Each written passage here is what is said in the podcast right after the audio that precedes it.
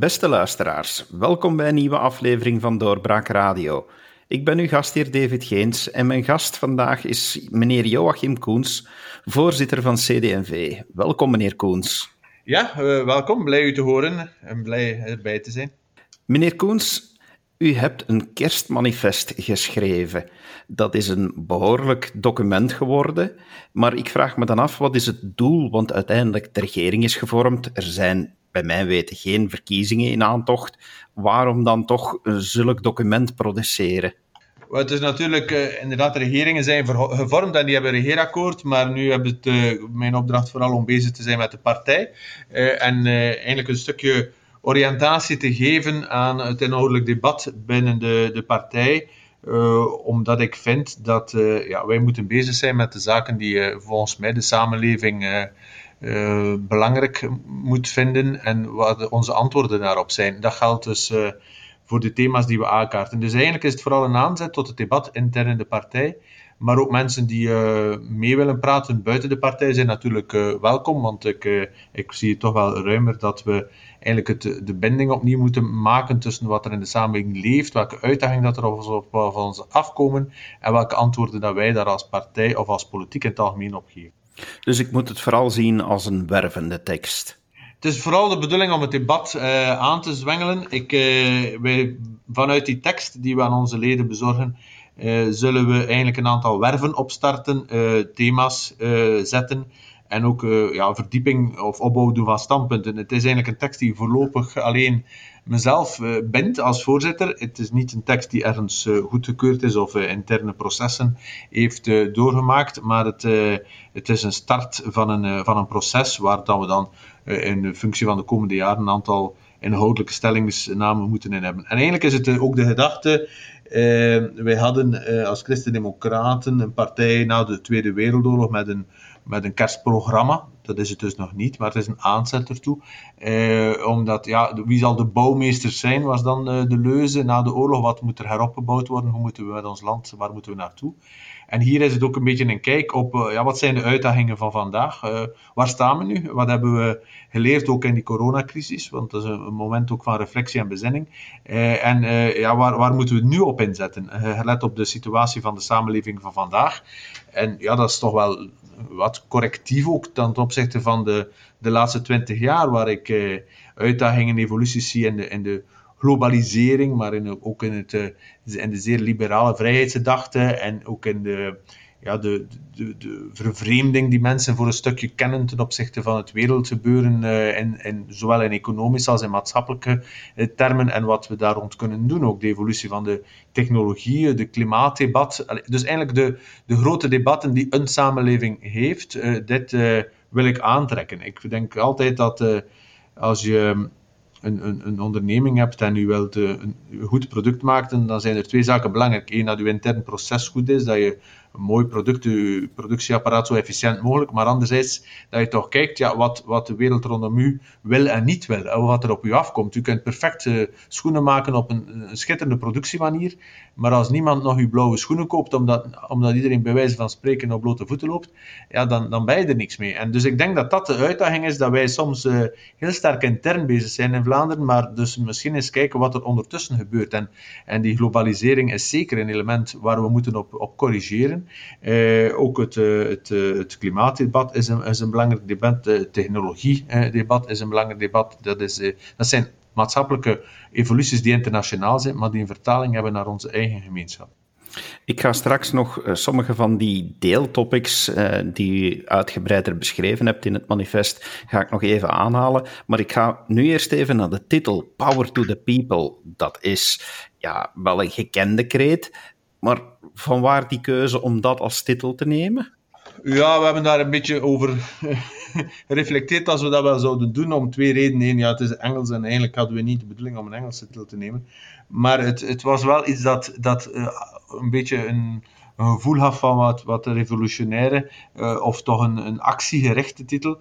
En uh, het is eigenlijk vooral dat ik de inhoud die daarachter schuilt, detecteerde in alle hoofdstukken als ik zo aan het schrijven was van die titel is maar op het einde gekomen, dan dacht ik, ja, wat is dit nu de rode draad in het verhaal? En dat is dan ja, dus de, de, de activering van de eigen creativiteit, van de inzet van mensen, het terugplooien van de overheid, de rechtstreekse verantwoordelijkheid van mensen uh, die in de zorg voor elkaar kunnen zijn, het grip op de buurt, recht, de, de, impact op de democratie, op de ecologie en de technologie. Als je dat ziet, dan gaat het altijd over, hebben mensen het gevoel dat ze impact hebben? Uh, en, en, ik ben ervan overtuigd dat voor een stukje de on, onvrede die er is bij mensen, zonder dat ze het daarom bewust uh, altijd kunnen duiden of weten, te maken heeft met een voet van onmacht.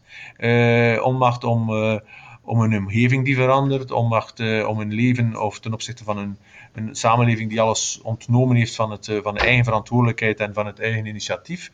En dus die teruggeven aan mensen, dat is terug de, de kracht bij mensen leggen. En dat is de, vandaar ook de, de kracht naar mensen, of de power to the people. En dat is het, dan de vertaling geworden. Ja. Ik heb nu niet echt aan het turven geweest, maar ik denk dat toch wel, eh, na een zeer grondige lezing, dat ik vrijwel zeker kan zeggen dat buiten de lidwoorden het woord mensen een van de meest voorkomende woorden is in, in de tekst. Dus dat hoeft dan niet te verwonderen. Dat zou mij niet, niet verwonderen. Onze traditionele eh, ik heb de traditionele termen gebruikt, maar we zijn natuurlijk een, een, een, partij die gebaseerd is op het personalisme, op het geloof in mensen en wat ze kunnen betekenen voor elkaar. En, en ja, maar als je dat zegt, dan moet je dat ook doen. En uh, dat is een beetje hetgeen het, uh, dat ik soms het gevoel heb. Wij, wij gaan te weinig vertrouwen geven aan mensen om, uh, om hen te ontwikkelen, zodanig dat ze zelf het initiatief kunnen pakken, verantwoordelijkheid kunnen pakken ten opzichte van elkaar. Ik vind dat de overheid op vele terreinen is gekomen, die dat voor een stukje ehm, niet altijd voldoende inkadert. Dus ja, terug de kracht geven aan mensen in, in de samenleving, dat lijkt mij een belangrijke voorwaarde om mensen ook een een zingeving te geven of een gevoel van geluk. En geluk is relatief, hè. we moeten er ook niet altijd over dromen. De gewone dingen des levens kunnen ook heel gelukkig maken als je er zelf impact op hebt. En vandaar ook, eh, op een gegeven moment spreek ik over gewone mensen. Dat zijn eigenlijk de doorsnee mensen die, die, die, die gewoon doen in het leven. Die niet uh, zot doen, die niet de kantjes eraf lopen, die niet frauderen of, of wat dan ook van profiteren, maar die gewoon ja, verantwoordelijkheid willen pakken voor hun eigen leven, voor dat van iemand die hun dierbaar is, voor hun kinderen, een huis willen hebben, uh, ja, een beetje een normaal, behoorlijk leven hebben dat zijn, dat zijn die mensen die soms het gevoel hebben dat het niet meer over hen gaat in die samenleving. Dat, het, uh, dat ze niet meer meetellen. En dat, dat is die vervreemding die, uh, die ik wil vermijden. En omdat zij dan uh, ja, een stukje ongelukkig zijn of, of hun zingeving niet zien. En dus daarvoor doen we het. Om die mensen opnieuw te zeggen: nee, jij neemt verantwoordelijkheid voor jezelf, voor de anderen voor je gezin. daarvoor doen we het. Voor die mensen willen we een samenleving garanties inbouwen. Ja. Ik las in de inleiding ook dat u vindt dat de mensen moeten krijgen waar ze om vragen.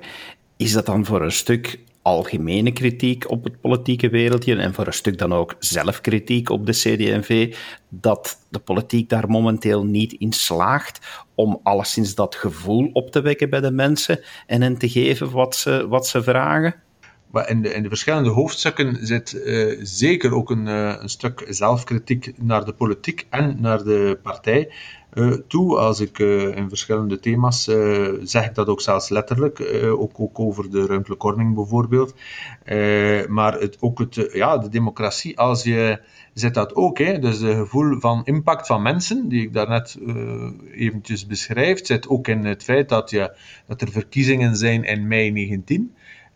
Voor de Kamer, bij wijze van spreken, en dat je dan pas in september 20 een, een, een antwoord hebt daarop uh, met de regering en met de meerderheid, waarvan dat de meesten van zeggen, ja bon, hebben wij daar nu op dit moment voor gestemd, dus ik kijk daarvoor ook naar, naar onszelf. Dat proces moet anders. Uh, daar moet een, een, duidelijke link zijn tussen uh, wat, uh, welk niveau wat doet en de verantwoordelijkheid die ze hebben en wat de kiezer als opdracht geeft. dus ja, dat is zeker een, een belangrijk punt van van eh, wat ik vind dat er moet veranderen. Dus bijvoorbeeld uh, moet duidelijk zijn dat de grootste partijen aan zet moeten komen, de termijn moet korter, we moeten definiëren hoe lang dat is, hoe dat, dat ook samengesteld is en dit soort zaken meer. Dat kaart ik ook aan, omdat dat echt wel een gevoel van onbehagen heeft bij mensen. Ja. En dat zit ook op het lokaal. Ja. Als je lijsten hebt met opvolgers of, of kopstemmen. Je verkiest iemand die heeft meer stemmen dan iemand anders. Die wordt niet verkozen omdat er een pot is en weet ik veel wat allemaal. dit soort zaken beïnvloedt wel mensen in hun, uh, in hun vertrouwen, denk ik. Ja. Als ik zulke tekst lees, dan vraag ik me altijd af, wat is hier nu de unique selling proposition en wat is het unieke verkoopsargument van deze tekst? En dat doe ik door eens na te denken van, oké, kan ik deze tekst eigenlijk kopiëren naar een concurrent en gewoon de naam vervangen? Wat past er dan niet meer? Zitten hier, als, als u nu die denkoefening maakt, wat zit er voor u hier nu zo in dat typisch CD&V is, wat niet past op de andere partijen? Goh, ik denk. Uh, het is niet vanuit die optiek geschreven. Het is vanuit een eigen uh, impressionatie, aanvoelen van wat er nodig is. Maar er zijn natuurlijk tendensen die minder op, de, op de, het vertrouwen in mensen vertrekken en vanuit de eigen creativiteit. En dat zijn dat zijn dan partijen die meer op, op, het, op het overheidssysteem, op het alles organiseren van de overheid uh, vertrekken. Dat is één, denk ik, een verschil. Ook, ook in het ecologische, denk ik, ook het haalbaar maken voor mensen. Niet de grote theorieën, het praktische, het heel nabije. En het opschalen, het minder globale, het globaliseren, dat zit ook bij anderen. En, en het geloven in dat vrijheid en dat globale, dat iedereen dat zomaar aankunt, dat zit ook niet bij iedereen. Dus ik, ik, ik denk wel dat er voor een aantal van die aspecten uh, gelijkenissen zijn bij andere partijen. Dat maakt, dat maakt ook voor mij geen enkel probleem. Integendeel, ik vind uh, een van de basisredenen waarom ik aan politiek uh, terug begin beginnen doen, is omdat ik vind dat de afstand tussen wat er in de samenleving leeft en die politiek veel te groot is om gezond te zijn voor een goede werkende democratie. en dat is niet zoiets dat, dat alleen de CD&V kan oplossen. Dat is iets wat meerdere partijen moeten oplossen, of bijna alle partijen moeten oplossen, omdat ik dat wel cruciaal vind. Ja. En voor mij is het, het, het geloof, het herstel in, in het belang van de politiek en wat politiek kan doen voor de samenleving. Een eerste opdracht en het herstellen van de christendemocratie. Een tweede, omdat ik ja, uiteraard christendemocraat ben en geloof in, voor mij in essentie betekent dat geloven in wat mensen kunnen en wat mensen kunnen betekenen voor elkaar. En dat zit er dus inderdaad in, eh, maar veel van de concrete toepassingen zullen waarschijnlijk ook bij anderen zitten, uh, denk ik. Ja. Zoals ik al zei, mensen moeten deze tekst niet gaan lezen met het idee van, oh, hier ontdekken we het volgende regeringsprogramma. Uh, dat, dat is helemaal niet de bedoeling, denk ik. Van, is het dan eerder uh, in, de, in, in de idee geweest, zoals vroeger voorzitters, zoals bijvoorbeeld de meneer Verhofstadt die zijn burgermanifest heeft geschreven. Is dit een, een blauwdruk van wat u als, als voorzitter hoopt te verwezenlijken op korte en lange termijn? Wel, ik denk toch wel dat dat de bedoeling is, eh, in die zin dat ik. Uh, het is niet omdat je een tekst schrijft dat u, u, Hans, uw partij en het brede politieke landschap uh, marcheren. In die zin is hij ook niet, niet helemaal concreet uitgewerkt, uh, dus dat moet nog gebeuren. Maar door de thema's te zetten, daar wil ik en daar kan ik ook als voorzitter op inzetten. En de vervreemding in de buurt, hoe pakken we dat heel concreet aan? Heel het verhaal van het nabije, dicht bij jou besluit, eerste lijnsdemocratie, dat past ook in het DNA van Christen-Democraten, die heel lokale bestuurders ook zijn. En dus terug um, de mens in zijn omgeving echt vatten met, met concrete stappen. De taal, de, de inburgering, het, eh, de huisvesting, werk, het werkstelling voor mensen enzovoort. Dat is um, belangrijk. Maar ook het luik rond ecologie ja, misschien hebben we dat verwaarloosd uh, of te weinig op ingezet. Uh, is heel belangrijk leuk, maar niet in het grote theoretische, niet om mensen bang te maken, maar om het terug sexy te maken, noem ik het. Dat is een, dat is een stukje een titel, maar dat betekent ook haalbaar voor de mensen, betaalbaar voor de mensen, ook reëel uh, impact, maar ook de technologie. Ben ingenieur van opleiding en, en ik vind ook wel technologie belangrijk, maar we moeten ook zien dat de technologie, dat wij dat als mens gebruiken en niet gebruikt worden. Bijvoorbeeld ook het Europese debat. ik ga niet alles opnoemen natuurlijk, maar het is, het is ook iets dat voor ons eh, belangrijk is, vind ik. Maar ook daar geef ik toch signalen naar correctie. Ik heb uh, als havengedeleerd bestuurder de Britten zien vertrekken. Die zijn er nu bijna helemaal uit. En, en ja, ik, stel me daar toch vragen over. Iedereen kijkt naar, ja, dat is de schuld van de Britten. Uh, die hebben uh, dat gestemd in het referendum, dat was een vergissing. Ja, ik weet het niet. Uh, ze hebben het uiteraard gestemd in een referendum. Dus de vergissing is of niet, dat, dat is iets anders. Het is een keuze en die moeten we vooral zien wat, wat er daar ook van de basis van ligt binnen Europa.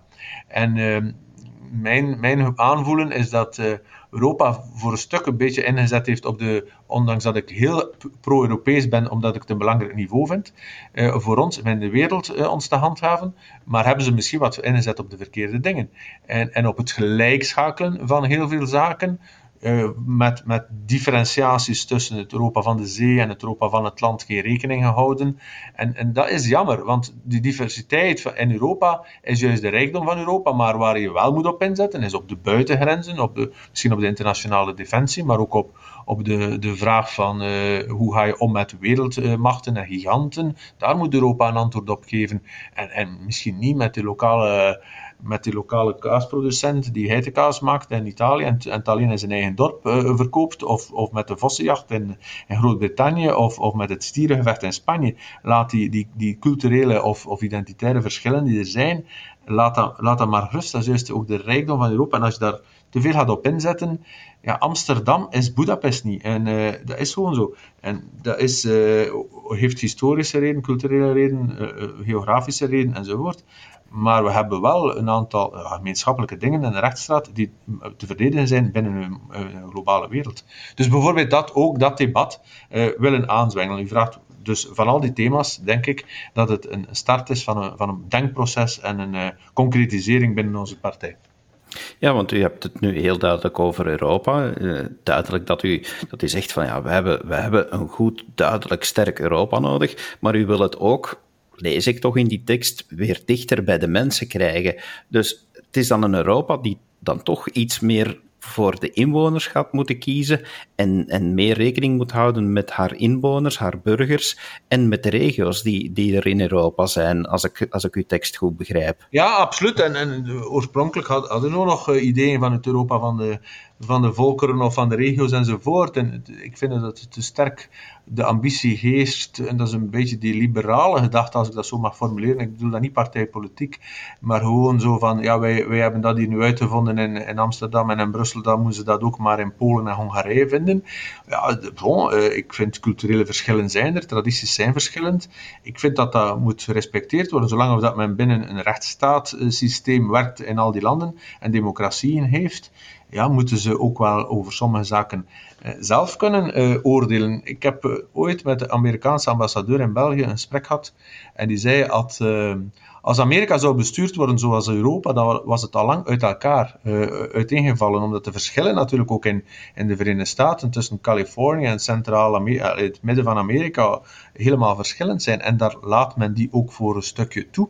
Uh, tot, tot echt uh, ja, ook ethische thema's enzovoort. Dus ik, ik, ik vind toch ook dat dat, dat in Europa uh, te veel gepropoogd wordt om dat allemaal gelijk te schakelen, waarmee men risico heeft om, om landen te verliezen zonder dat het nodig is. Van, we dragen natuurlijk wel een gemeenschappelijk territorium die heel wat gemeenschappelijke belangen ook heeft en waar we moeten wel op inzetten, is dat Europa, ja, dat, dat, dat de energieproductie oké is, dat dat in Europese handen is, dat onze industrie ook wel een aantal basisproducten zeker Europees kan produceren, dat, dat de buitengrenzen gecontroleerd worden, eh, dat we op die internationale scène bijvoorbeeld tegen Google en Facebook giganten, dat we daar een antwoord op hebben hoe dat, dat eh, eerlijke concurrentie kan zijn met lokale Europese spelers. Allee, dit zijn de grote vragen. En ik vind dat ze daar een zeer sterke rol moeten in spelen en nodig zijn.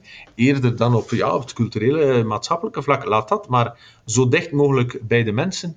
Eh, en, en laat daar maar de, de, authenticiteit van, van culturen en historieken, eh, laat die daar maar een rol spelen. Ja. Ik lees ook dat u kiest voor een creatieve en radicale omvorming van een voorbijgestreefd systeem. Wat vindt u dan nu eigenlijk zo voorbijgestreefd dat, het, uh, dat er echt een radicale omvorming nodig is? Het, dat gaat dan over het, uh, het, uh, het, economische ook voor een stuk. Nee? Ehm, waarom dat... ik denk dat wij heel sterk ook meegegaan zijn in het, in het opschalen en het uh, van, van, van, van, van productie van, van heel wat zaken. En ik denk dat we echt opnieuw moeten proberen, als overheid dan, uh, te kijken hoe dat we de steun kunnen verlenen aan, aan de eigen creativiteit van, van, van, van groepen, van kleine entiteiten, van mensen die willen starten, uh, die dingen willen doen. anders, ik denk dat het toch zeer moeilijk wordt om, om de gelijke kansen in de samenleving te garanderen als enkele grote conglomeraten in de wereld alles bepalen. En het is, het is niet, ik denk dat je de mensen, ik heb daarnet, daarnet gezegd, heel veel ruimte moet laten voor, voor, voor zelf dingen in te vullen, maar er zijn een aantal zaken waar mensen niet tegenop kunnen. En, en dat zijn die zaken. En als je die systemen niet, niet probeert te corrigeren, dan ga je nooit meer uh, starters krijgen. En dan, dan, dan betekent ook dat je een ongelijkheid gaat creëren. En ik vergelijk het een beetje met het kerstmanifest met na de Tweede Wereldoorlog. Alles was vernietigd en iedereen stond voor een stuk gelijk aan de start. Uh, omdat er niks meer was. Ook in, tot de jaren 70 was dat nog zo. U, u, u kon met niks starten en doorgroeien. Maar nu vrees ik dat door die grote monopolies uh, in, de, in de wereld die ontstaan zijn, dat je op sommige vlakken helemaal niet meer doorraakt. En dus we moeten verstandig daarmee omgaan. En de talenten van mensen uh, valoriseren. Dat kan in kleine entiteiten, maar die ook een netwerk vormen. Ik ga een concreet voorbeeld nemen. Als ik echt eh, over handmade handtassen maak, ja, probeer maar eens op de wereldmarkt ten opzichte van de... Maar als je heel wat van die creativiteiten samen bundelt in een netwerk en daar als Vlaanders uh, Investment and Trade steun aan geeft enzovoort, dan sta je misschien wel sterker. Dus ik denk dat we heel verstandig moeten omstaan met een netwerk van kleinschaligheid, eerder dan met uh, monopolies van de maakindustrie die massaproductie uh, hier op de markt dumpen, geproduceerd met sociale en klimatologische niet correcte factoren in het buitenland. Ik denk dat, dat we daar echt moeten correctief tegen optreden. Ja een stuk in het kerstmanifest dat ik gelezen heb, waarbij ik, moet ik eerlijk toegeven, af en toe wel eens de wenkbrauwen fronste, was niet zozeer omwille van de inhoud, maar, maar een tegenstelling die, uh, die bij het lezen in mij opkwam. Dat is wanneer u schrijft, ja, vertrouwen in de mensen, daar, daar, lees ik dan ook in van dat het de opdracht is van de politiek om, om te zorgen dat mensen op hun beurt genoeg vertrouwen uh, krijgen uh, in de politiek. Ja, en dat lees je dan terwijl je beseft dat we op dit moment in een, in omgeving leven waar, als we niet opletten, we blijkbaar richting politiestaat uitgaan. Is, is dat dan voor u, zijn die gedachten ook bij u opgekomen toen u die tekst schreef? Ja, absoluut. En uh, het is heel, heel juist wat u zegt, dat het... Uh vertrouwen op verantwoordelijkheid juist uh, daar voor een stuk tegenin wilde gaan. Eh, omdat ik eh, ja, toch wel vind dat in principe er, er meer verantwoordelijkheid zijn bij mensen kan zijn. Hè. Dus ik heb ooit meegemaakt dat men een, een bibliotheekdecreet maakt in Vlaanderen die de afstand tussen de boekenrekken en de boeken uh, in een bijlage beschreef, terwijl dat je natuurlijk anderzijds ook een kader heeft waar dat bibliothecarissen eigenlijk wel best zelf kunnen uh, invullen welke ruimte dat ze moeten hebben. Dat is, dat is een beetje een karikatuurvoorbeeld, maar het is toch wel eh, nog altijd zeer aanwezig, waar we in onderwijs dan bijvoorbeeld eindtermen maken die eigenlijk totaal niets meer, niks meer van ruimte laten voor de, voor de invulling van leerkrachten en directie en van het eigen concept van een bepaalde school. Dus uh, daar moeten we voor opletten. We moeten de verantwoordelijkheid laten. En dus in die pandemie stel ik natuurlijk vast dat de samenleving ondertussen zodanig gewend is van heel strikt het, bepaald te zien door een overheid wat er mag en niet mag, dat die overheid daar nu neigt ook dat te doen. Uh, tot het gevaarlijke toe, uh, waar men allerlei zaken gaat, inderdaad richting politiestaat gaan definiëren, omdat, en dat mensen dat ook bijna aanvaarden, omdat ze het ondertussen zo gewend zijn. Terwijl dat eigenlijk zou kunnen zeggen, ja, u moet niet besmet raken, dat is uw verantwoordelijkheid. En dan moet je van uitgaan dat je, dat je het coronavirus hebt en dat je geen ander wil besmetten. Wat ga je dan doen? Ja, dan ga je afstand houden, dan ga je mondmasker houden, dan ga je geen mensen zien, dan ga je ouderen niet zien, dan, ga je, dan doe je dat toch. En dus eigenlijk ja, moeten we dat echt eens bevragen als we niet te ver uh, de, de, de hand vasthouden, soms zonder dat we de eigen verantwoordelijkheid van mensen uh, responsabiliseren. Maar het is een proces dat dat geleidelijk aan terug zal moeten hersteld worden, omdat we er heel veel van afgenomen hebben, denk ik. Is het dan een stuk dat u, en ik, ik, ik, zit, ik heb me dat echt zitten afvragen, is dat een stuk dat u met, met een speciale kleur hebt aangeduid en aan minister Verlinde hebt gegeven en gezegd van, beste Annelies, lees dit is heel goed, want uh, dat moet u toch in het achterhoofd houden? Wel, ik heb alle stukken aan, aan, aan Annelies en ook aan alle collega's ministers van, van haar gegeven, omdat ze het allemaal ja, daarover moeten, toch even reflecteren. En er staat ook in minder regels, maar die regels die er dan zijn, ook strikter toepassen. Ik denk dat, dat die balans er ook is. Eh, als we dan, want, want ook dat geeft ongenoegen bij de samenleving, dat er dan heel veel regels zijn en dan kun je ze eigenlijk niet meer handhaven. U kunt niet handhaven wie er komt op kerstavond bij u. Niemand kan dat handhaven. Eh, omdat wij gaan niet met de politie, niemand gaat dat doen in die huizen gaan controleren. Dus, dus dan is de vraag, u stelt regels, maar je kunt ze niet handhaven. Dus als je minder regels hebt die je wel kunt handhaven, en dat, die dan ook handhaven, en mensen die die dan overschrijden, daar dan zwaar op inzetten, dat zal ook een veel groter rechtvaardigheidsgevoel geven. En ik wil daar nu niet onmiddellijk vandaag kritiek geven of wat er vandaag gebeurt. Ik, weet dat is een proces eh, van, van opbouw van samenleving uh, die, die geleidelijk aan moet gecorrigeerd worden. En we zitten in een, in een pandemie en er zijn maatregelen nodig. En er zijn ook mensen die op dit vandaag heel duidelijkheid willen.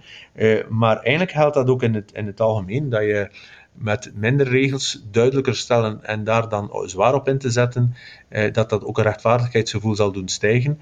En dat betekent natuurlijk heel sterk een vergroting van de verantwoordelijkheid van mensen. En eh, ik, ik geloof daarin dat dat, uh, dat, dat kan. Ja. Een heel warm stuk uit uw tekst gaat over het thema verbondenheid. Is dat eigenlijk iets waar je vanuit de overheid kan aanwerken om die verbondenheid te stimuleren onder mensen? Ik denk ook daar eh, dat de overheid eh, moet opletten dat ze de directe verantwoordelijkheid of verbondenheid die er tussen mensen is, niet fnuikt door het institutionaliseren eh, of het, eh, eh, van, van heel veel van die, van die taken. Ik denk dat er bij de mensen op een gegeven moment groeit er een gedachte, en, en voor een stuk begrijpelijk en terecht, wij betalen 50, 60 procent eh, belastingen en dus moet nu alles opgelost zijn. En, en, heb ik geen verantwoordelijkheid meer voor mijn moeder, niet voor mijn kinderen, misschien zelfs niet voor mijn buren, want ik betaal aan de overheid en de overheid moet het nu maar oplossen. Eh, als je inderdaad die overheidsbeslag zo hoog maakt, is dat een begrijpelijke reactie. Terwijl dat als je zorg voor elkaar ook terug uh, bij mensen voor een stuk legt, dat ze ja, ja, een stuk verantwoordelijkheid hebben naar ouders, familie, kinderen, ook naar buren enzovoort. En dan heb je die directe uh, engagement tussen mensen, ben ik van overtuigd dat dat ook wat meer uh, voldoening en zingeving geeft. Van, zorg is zo gezegd onbaatzuchtig, maar is ook baatzuchtig en dat mag ook baatzuchtig zijn. In die zin dat als ik zorg uh, voor, voor u, uh, dan doe ik dan misschien een soort uh, onbaatzuchtigheid, maar dat geeft ook zin aan mijn leven, omdat ik dat doe en omdat dat mij voldoening kan geven. En dat is voor vele mensen ook belangrijk. En misschien vergeten we dat ook. Allee, wij betalen mensen op pensioen te zetten. En dus ook daar, het gaat over geld en het, hoe hoog is het bedrag van het pensioen. Maar eigenlijk is dat, is dat niet de zinvolheid van het leven. Dat is belangrijk voor het leven om middelen te hebben. Maar het belangrijkste is, wat doe je dan met die mensen? Wat mogen ze nog doen? Wat kunnen ze nog betekenen in die samenleving? En dan kun je ja, zoveel zaken ook, ook, ook terug bij hen leggen. Uh, heeft ze bij wijze van spreken een, vrijwilligersstatuut, uh, laat ze toeristische uh, rondleiding geven, mensen inschakelen in, in de zorgsector. Dit soort zaken gebeurt veel op het terrein, maar ik denk dat we daar echt moeten nog meer op inzetten, omdat dat in de zorgen en de verbondenheid tussen mensen, mensen zingeving heeft. En voor mij gaat het het, als we zien in de samenleving van die uitdagingen, is toch het uh, de groot aantal uh, zelfdodingen. Dat heeft te maken met mensen die eigenlijk ja, zich afvragen als het wel nog zinvol is, het leven. En voor mij heeft dat daarmee te maken. Uh, met het zinvol maken met leven, heeft te maken met wat je kunt betekenen in, in ten opzichte van anderen omdat u het nu net toch noemt, zinvol leven, een zin die echt klaar en duidelijk is, die, die een duidelijk statement vormt uh, uit die manifest, is de dood is nooit een keuze of een oplossing. Dat lijkt me toch wel een heel duidelijk statement tegen abortus en euthanasie. Is dat nu uh, echt iets dat, dat, dat u heel erg in gelooft en dat u zegt van kijk, hier trekken we de streep in het zand en, uh, en willen we toch een duidelijk standpunt innemen?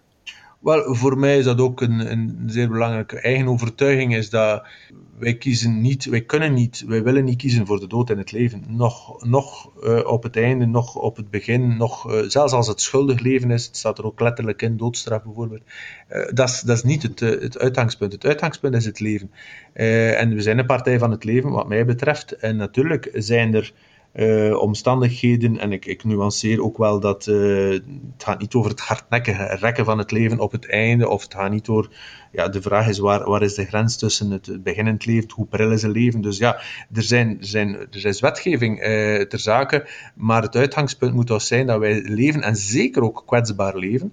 Mensen die in een moeilijke situatie zitten, die inderdaad op het einde van hun leven zitten, moet je toch uithangen, ja, hoe kunnen we het leven vanuit die uh, perspectief bekijken. En uh, het, wat mij helemaal niet, niet, niet kan begrijpen is dat je mensen die helemaal niks aan de hand hebben, die ervoor zouden kiezen om uit het leven te stappen, dat je daar als overheid aan meewerkt, dat lijkt mij tegenstelt aan de opdracht van, van een samenleving. Ik denk dat je opdracht van een samenleving hebt van de mensen ja, die een probleem hebben, dat bestaat zeker en vast, eh, van die toch te, te wijzen op, op, de, op de tijdelijkheid van mogelijke problemen en, en de zinvolheid van het leven opnieuw eh, aan hen aan te bieden. Gaat dat dan niet een moeilijk punt nog worden in deze regering?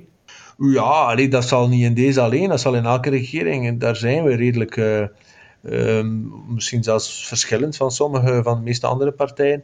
Uh, maar goed, wij, er zijn daar ook afspraken over gemaakt in het regeerakkoord. En, uh, maar u hebt het punt dat we daar blijvend zullen moeten uh, onze, onze eigenheid verdedigen.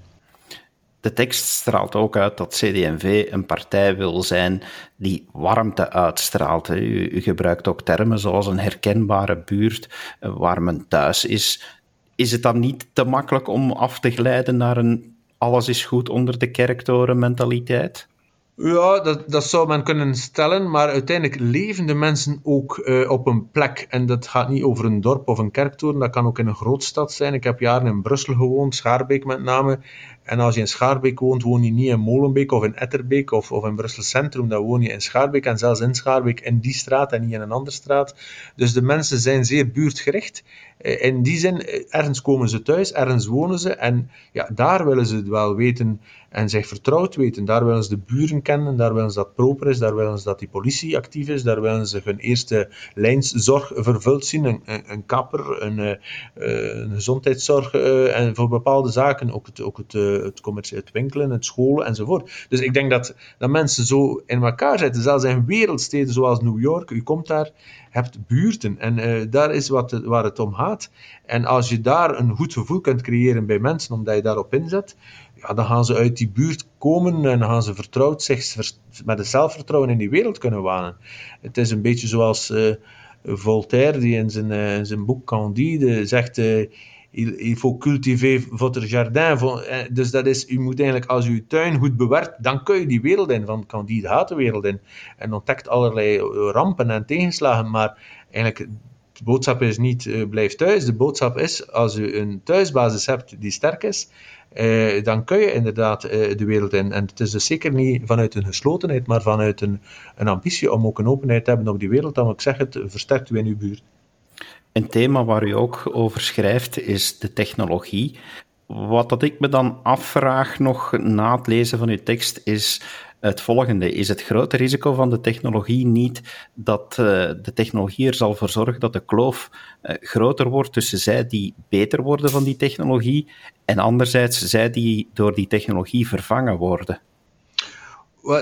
er zijn vele elementen. Ik denk dat technologie uh, heel veel voor het leven operationeel kan verbeteren. Ook nu in de digitale tijdperk en coronacrisis stel je vast dat ja, mensen die vroeger uh, die thuis moeten zitten, een begrafenis of een afscheidsplechtigheid kunnen vieren, uh, volgen op, op, op, sociaal, allez, op media, digitaal ontsloten, kunnen ook wat contacten gelegd worden. dus er zijn, dat is, dat dan de digitale wereld biedt veel mogelijkheden. Anderzijds zeg je, ja goed, je moet wel opletten wat Facebook met uw gegevens doet, hè, dus welke misbruiken dat er zijn. En ook in de medische wetenschap, ja, u kunt met een leverprobleem geboren worden, maar dat kan opgelost worden uh, met de medische wetenschap. Dat is ook zeer goed. Artificiële intelligentie kan zorgen dat als je blind werd, dat je, dat je, dat je terug herstelt. Maar het kan ook uh, afleiden tot een louter vercommercialisering van het menselijk lichaam. Dat je zegt, we gaan baby's op bestelling doen, met, met blond haar en blauwe ogen en een groot verstand en een jongetje bij het liefst. Ja, dat zijn dingen die, die niet kunnen. Dus er is daar een zekere ethische dimensie. En ik ben daar niet alleen, en, niet alleen als christendemocraat. Ik had ook een gesprek met Caroline Pauwels van de VUW, die zegt, ja, onze eeuw zal ethisch zijn of ze zal niet zijn. Het, het, is, het is ook in die technologie dat de ethiek uh, zit. Uh, en, en, dat is, uh, voor mij, ethiek is hoe, hoe bescherm je de mens, en zeker de kwetsbare mens, in die technologische evolutie. En dat heeft, zoals u vraag stelt, ook wel een sociale dimensie. wie, tot wie is wat ontsloten en wie heeft er toegang tot, tot zaken die goed zijn in die technologie. Welke reacties hebt u al gekregen op dit uh, document, op dit manifest? Ja, de start waren we meer dan 2000 mensen in een congres die gevolgd hebben. En ik denk dat de interne reacties bij ons in de partij goed waren. Uh, heel veel zaken zijn er nu vooral ambities om, om het uit te werken. En dat was ook de bedoeling. Het zijn misschien mensen die zeggen, ja, dat is redelijk uh, algemeen en, en moeten, dat is ook de bedoeling. Het gaat niet over deze of geen wet of deze of geen detail. Het, is een aanzet en een richting. En dus er is veel goesting in de partij bij ons om daar nu verder aan te werken. Meneer Koens, dank u wel dat u toelichting hebt willen geven bij dit document, dat zeker aan te bevelen is om te lezen. Ik zal zeker uh, bij de podcast ook nog een link toevoegen naar het document voor wie nieuwsgierig is. Dank u wel voor uw tijd. Nee, geen probleem. Hartelijk dank voor, u, voor uw tijd en uw interesse in het document. En uw beste luisteraar, dank u wel dat u geluisterd hebt. Blijf afstemmen op onze podcasts. Hou het veilig en graag tot een volgende keer. Aag. Dit was een episode van Doorbraak Radio, de podcast van doorbraak.be. Volg onze podcast op doorbraak.be/slash radio of via Apple Podcasts, Overcast of Spotify. Bezoek ook onze website op doorbraak.be en steun ons door een vriend te worden van Doorbraak.